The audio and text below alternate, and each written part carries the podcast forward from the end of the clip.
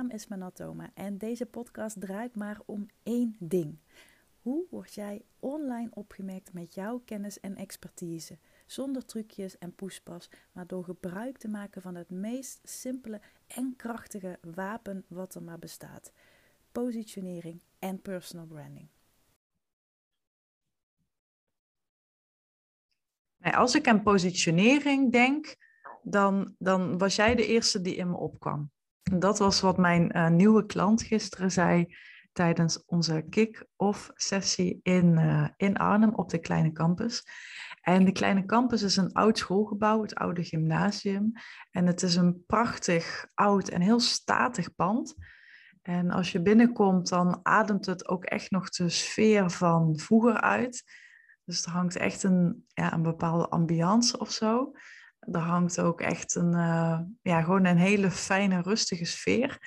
En toch is het een hele creatieve plek ook. Er zitten heel veel creatieve ondernemers, architecten en ontwerpers. En um, ja, het is echt een, echt een fantastische plek. Het hele pand is ook ja, volledig gemoderniseerd. Dus um, ja, het is, het is niet oud-oud, maar het heeft wel nog echt dat karakteristieke. En als je dan binnenkomt door de grote, zware, openslaande glazen deuren, kom je eerst in het restaurant. Er hangt een eh, schommel in het midden van het restaurant en allemaal leuke, gezellige tafeltjes en hoekjes.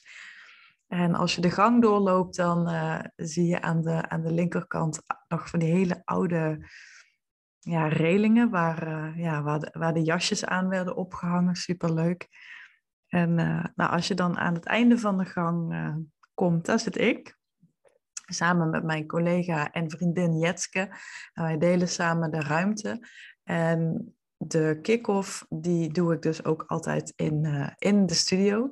Wij noemen het studio, maar het was vroeger de kamer van de decaan. En het is een heel fijn plekje. Het is niet zo groot als een echt een volwaardig klaslokaal. Dat wilden we in eerste instantie wel. Uh, maar dat is toen ja, daar ging toen iets mis en nou, er was iemand anders voor. Nou, dat doet er ook niet zo toe. Achteraf zijn we heel blij met dit plekje. Het is niet alleen de helft goedkoper, maar het, um, het is ook, ja, je kijkt uit op het groen. Uh, je hebt nooit direct licht van de felle zon, dus in de zomer is het daar ook echt nog wel heel goed te doen. En nou, kortom, het is gewoon een heel lekker rustig plekje. En daar ontvang ik dus ook altijd mijn klanten. Um, ja, kun je afvragen van, hey, ja, waarom doe je dat dan daar? En waarom doe je, dat, doe je dat altijd daar? Of ook wel eens ergens anders? Of doe je het ook wel eens thuis? Uh, ik zeg altijd tegen mijn klanten, positionering zit hem ook in um, niet alleen zeg maar, wat je online van jezelf laat zien, maar ook offline. Dus een locatie waar je zit, waar je samenwerkt met je klant, dat is ook een soort verlengstuk van jezelf. Ik persoonlijk vind het niet prettig om klanten thuis te ontvangen. Niet omdat ik ja, geheimen heb of zo, of uh, dat soort dingen. Of dat ik, uh, ja, nee, ik heb geen gekke dingen. Los van, uh, ja, Oki die natuurlijk redelijk hysterisch is.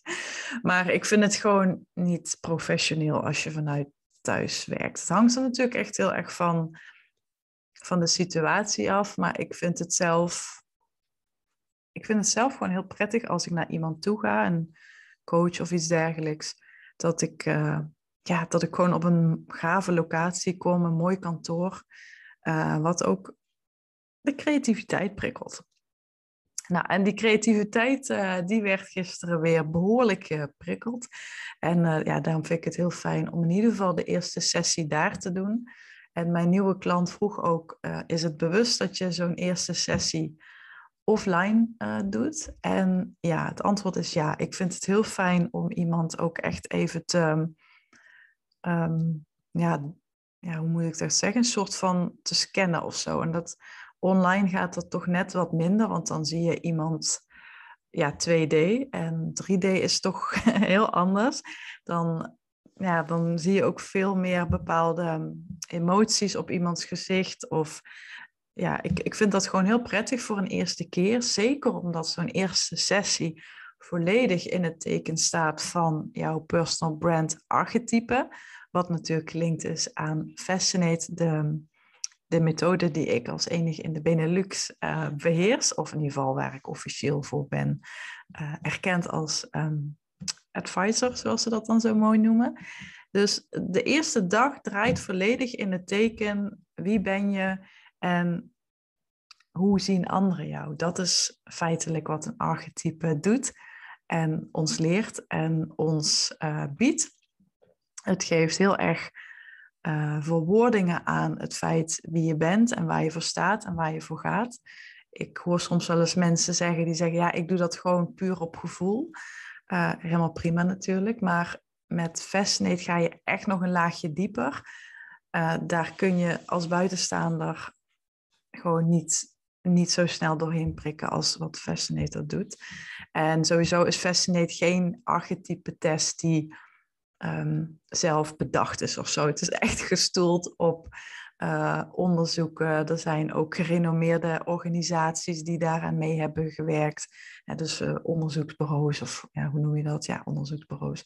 En inmiddels zijn er ja, meer dan een miljoen profielen in die database. En um, ja, daar zitten inmiddels ook ik denk ruim 160 nu zal het zijn, zo'n beetje. Klanten van mij in, dus dat is superleuk. En ja, die eerste dag, dagdeel draait dus volledig daarom. En nou, afhankelijk ook van, van het type persoon, van het archetype, gaat zo'n dag vaak um, ja, altijd heel erg op een persoonlijke manier richt ik dat in ik vind het altijd heel erg belangrijk dat ik heel erg met iemand kan meebewegen, wat voor hem of haar past. En dat is ook het mooie van zo'n archetype. Dat geeft je heel erg, uh, heel vrij snel inzichtelijk waar iemand ja, enthousiast van wordt, waar iemand van aangaat. En um, ja, dat was gisteren ook het geval. We gingen allebei echt helemaal aan. Het was een, uh, echt een ontzettende leuke klant. En um, nou, de reden dat ik deze podcast wil opnemen is om ja, jou een, een les mee te geven of een, uh, ja, een takeaway. Iets wat ik mezelf ook weer even realiseerde doordat ik het zo terugkreeg. Want ik, ik begon deze podcast al uh, met die uitspraak. Uh, die, mijn klant gaf aan van ja, ik, ik wilde iets met mijn positionering. Ik wist dat ik het daarin moest zoeken. En jij was vrijwel de eerste die daarbij uh, bij omhoog kwam, die in, hè, die in mijn hoofd oppopte. En er waren ook nog wel een aantal andere mensen, maar dat, dat sprong er bij hen niet bovenuit. Als ik aan één ding dacht, in dit geval positionering, dan, ja, dan was jij eigenlijk de enige die met kop en schouders daar bovenuit uh, steeg. En dat zette me wel aan het denken, want dat is natuurlijk feitelijk waar ik anderen ook, uh, ook in help.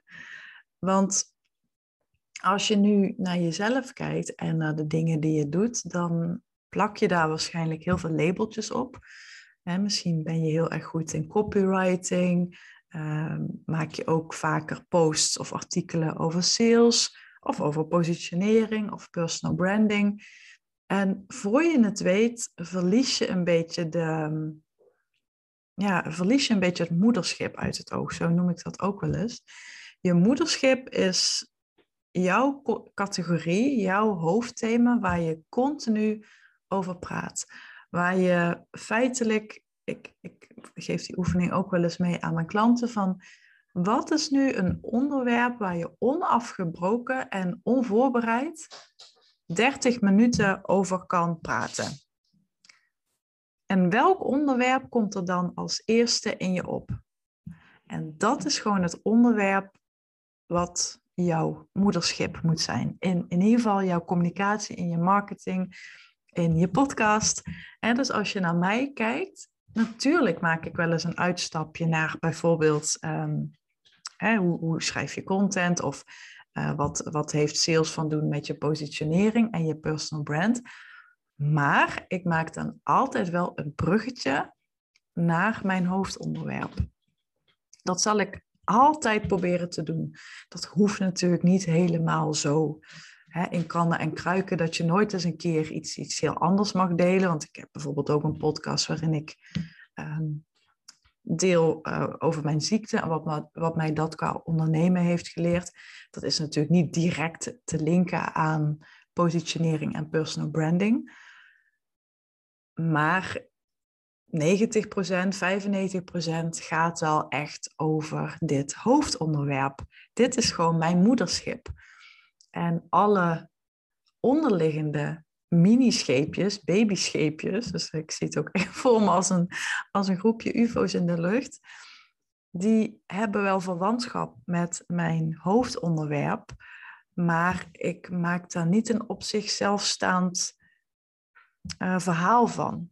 En dit is ook echt iets waar, waarvan ik in ieder geval zie dat het, of ja, wat, wat ik denk in ieder geval wat heel vaak misgaat, is dat we A, niet lang genoeg ergens opbouwen, dus waardoor dat bekend maakt bemind gevoel optreedt.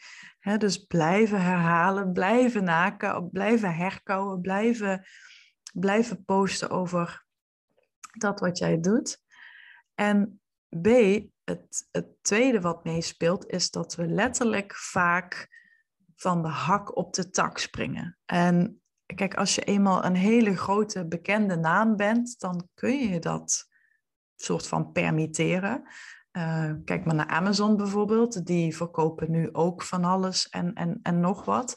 Maar zo begonnen ze natuurlijk niet. Ze begonnen met, met gewoon één of twee producten. Dat hebben ze langzaam uitgebouwd.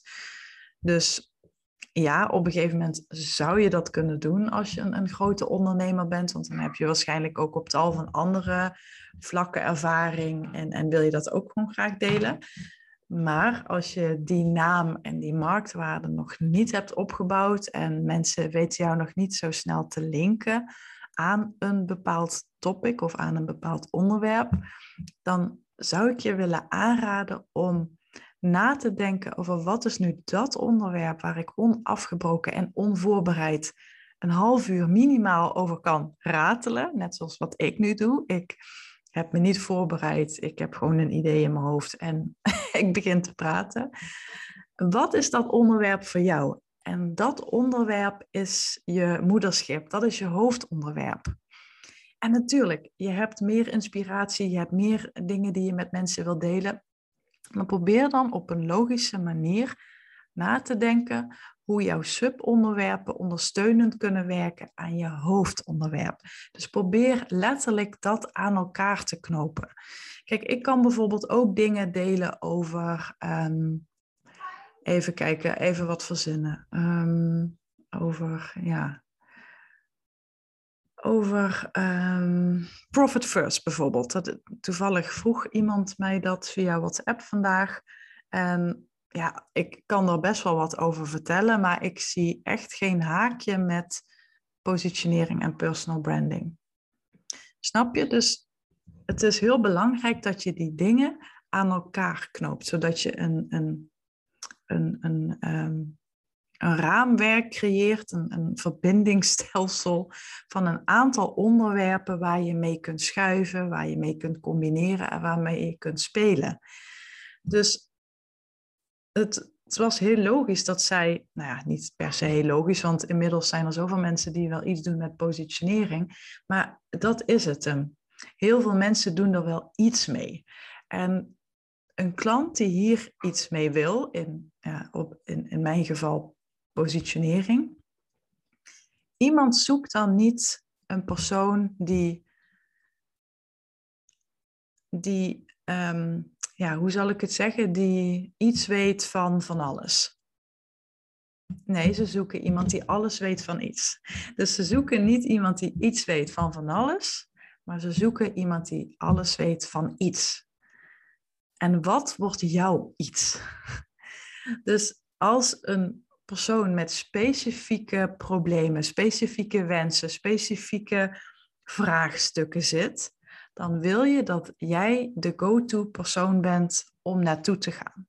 Betekent niet per se dat je dan de enige bent, want er zullen ongetwijfeld nog een aantal andere mensen dan opdoemen in het hoofd van de klant. Maar dan kun je heel erg gaan nadenken: oké, maar wat wat, wat heb ik hierin te brengen, waardoor het interessanter wordt voor een klant of waardoor het afwijkt van wat een ander doet. En daarmee kun je het verschil maken. En dat is natuurlijk ook het verschil waar iemand jou voor gaat betalen.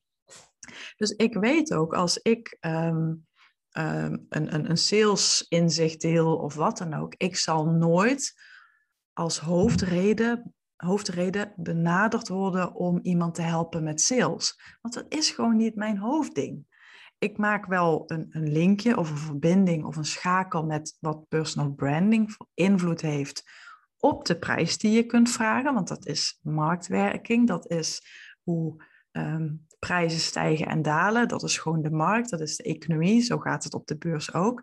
Ja, en dat linkje maak ik natuurlijk wel. Maar als er dan iemand is die specifiek op sales skills gecoacht wilt worden, die gaat dan naar iemand die zichzelf ook echt als sales expert of salesdeskundige of professional, hoe je het ook noemen wilt, uh, profileert. Dan kiezen ze bewust daarvoor. En dan kunnen zij wellicht ook een baby scheepje hebben wat uh, iets inhaakt op, op je positionering of je personal brand, maar hun moederschip, het overkoepelende grote haakje, dat is waar mensen echt op aanhaken. Dat is wat ze echt uh, triggert om voor hen te kiezen. Dus in deze podcast wilde ik je even laten nadenken over wat is nu jouw ene ding? Wat is nu jouw moederschip? Wat is datgene waar jij over kunt blijven praten, waar je over kunt blijven doorratelen, waarmee je ook ja, onafgebroken ja, je, je informatie over kunt delen, zo gezegd. En dat is hetgene waar je je veel meer en vaker over moet uitspreken. En dat blijven herhalen. Blijven herhalen. Daar zit, daar zit uiteindelijk de winst. Je zult, een, je zult doorzettingsvermogen moeten hebben. Je zult je niet moeten laten tegenhouden en denken van ja, ik ben nu een, een ja, een aantal weken iets aan het posten en er reageert niemand op. Het, het heeft echt tijd nodig.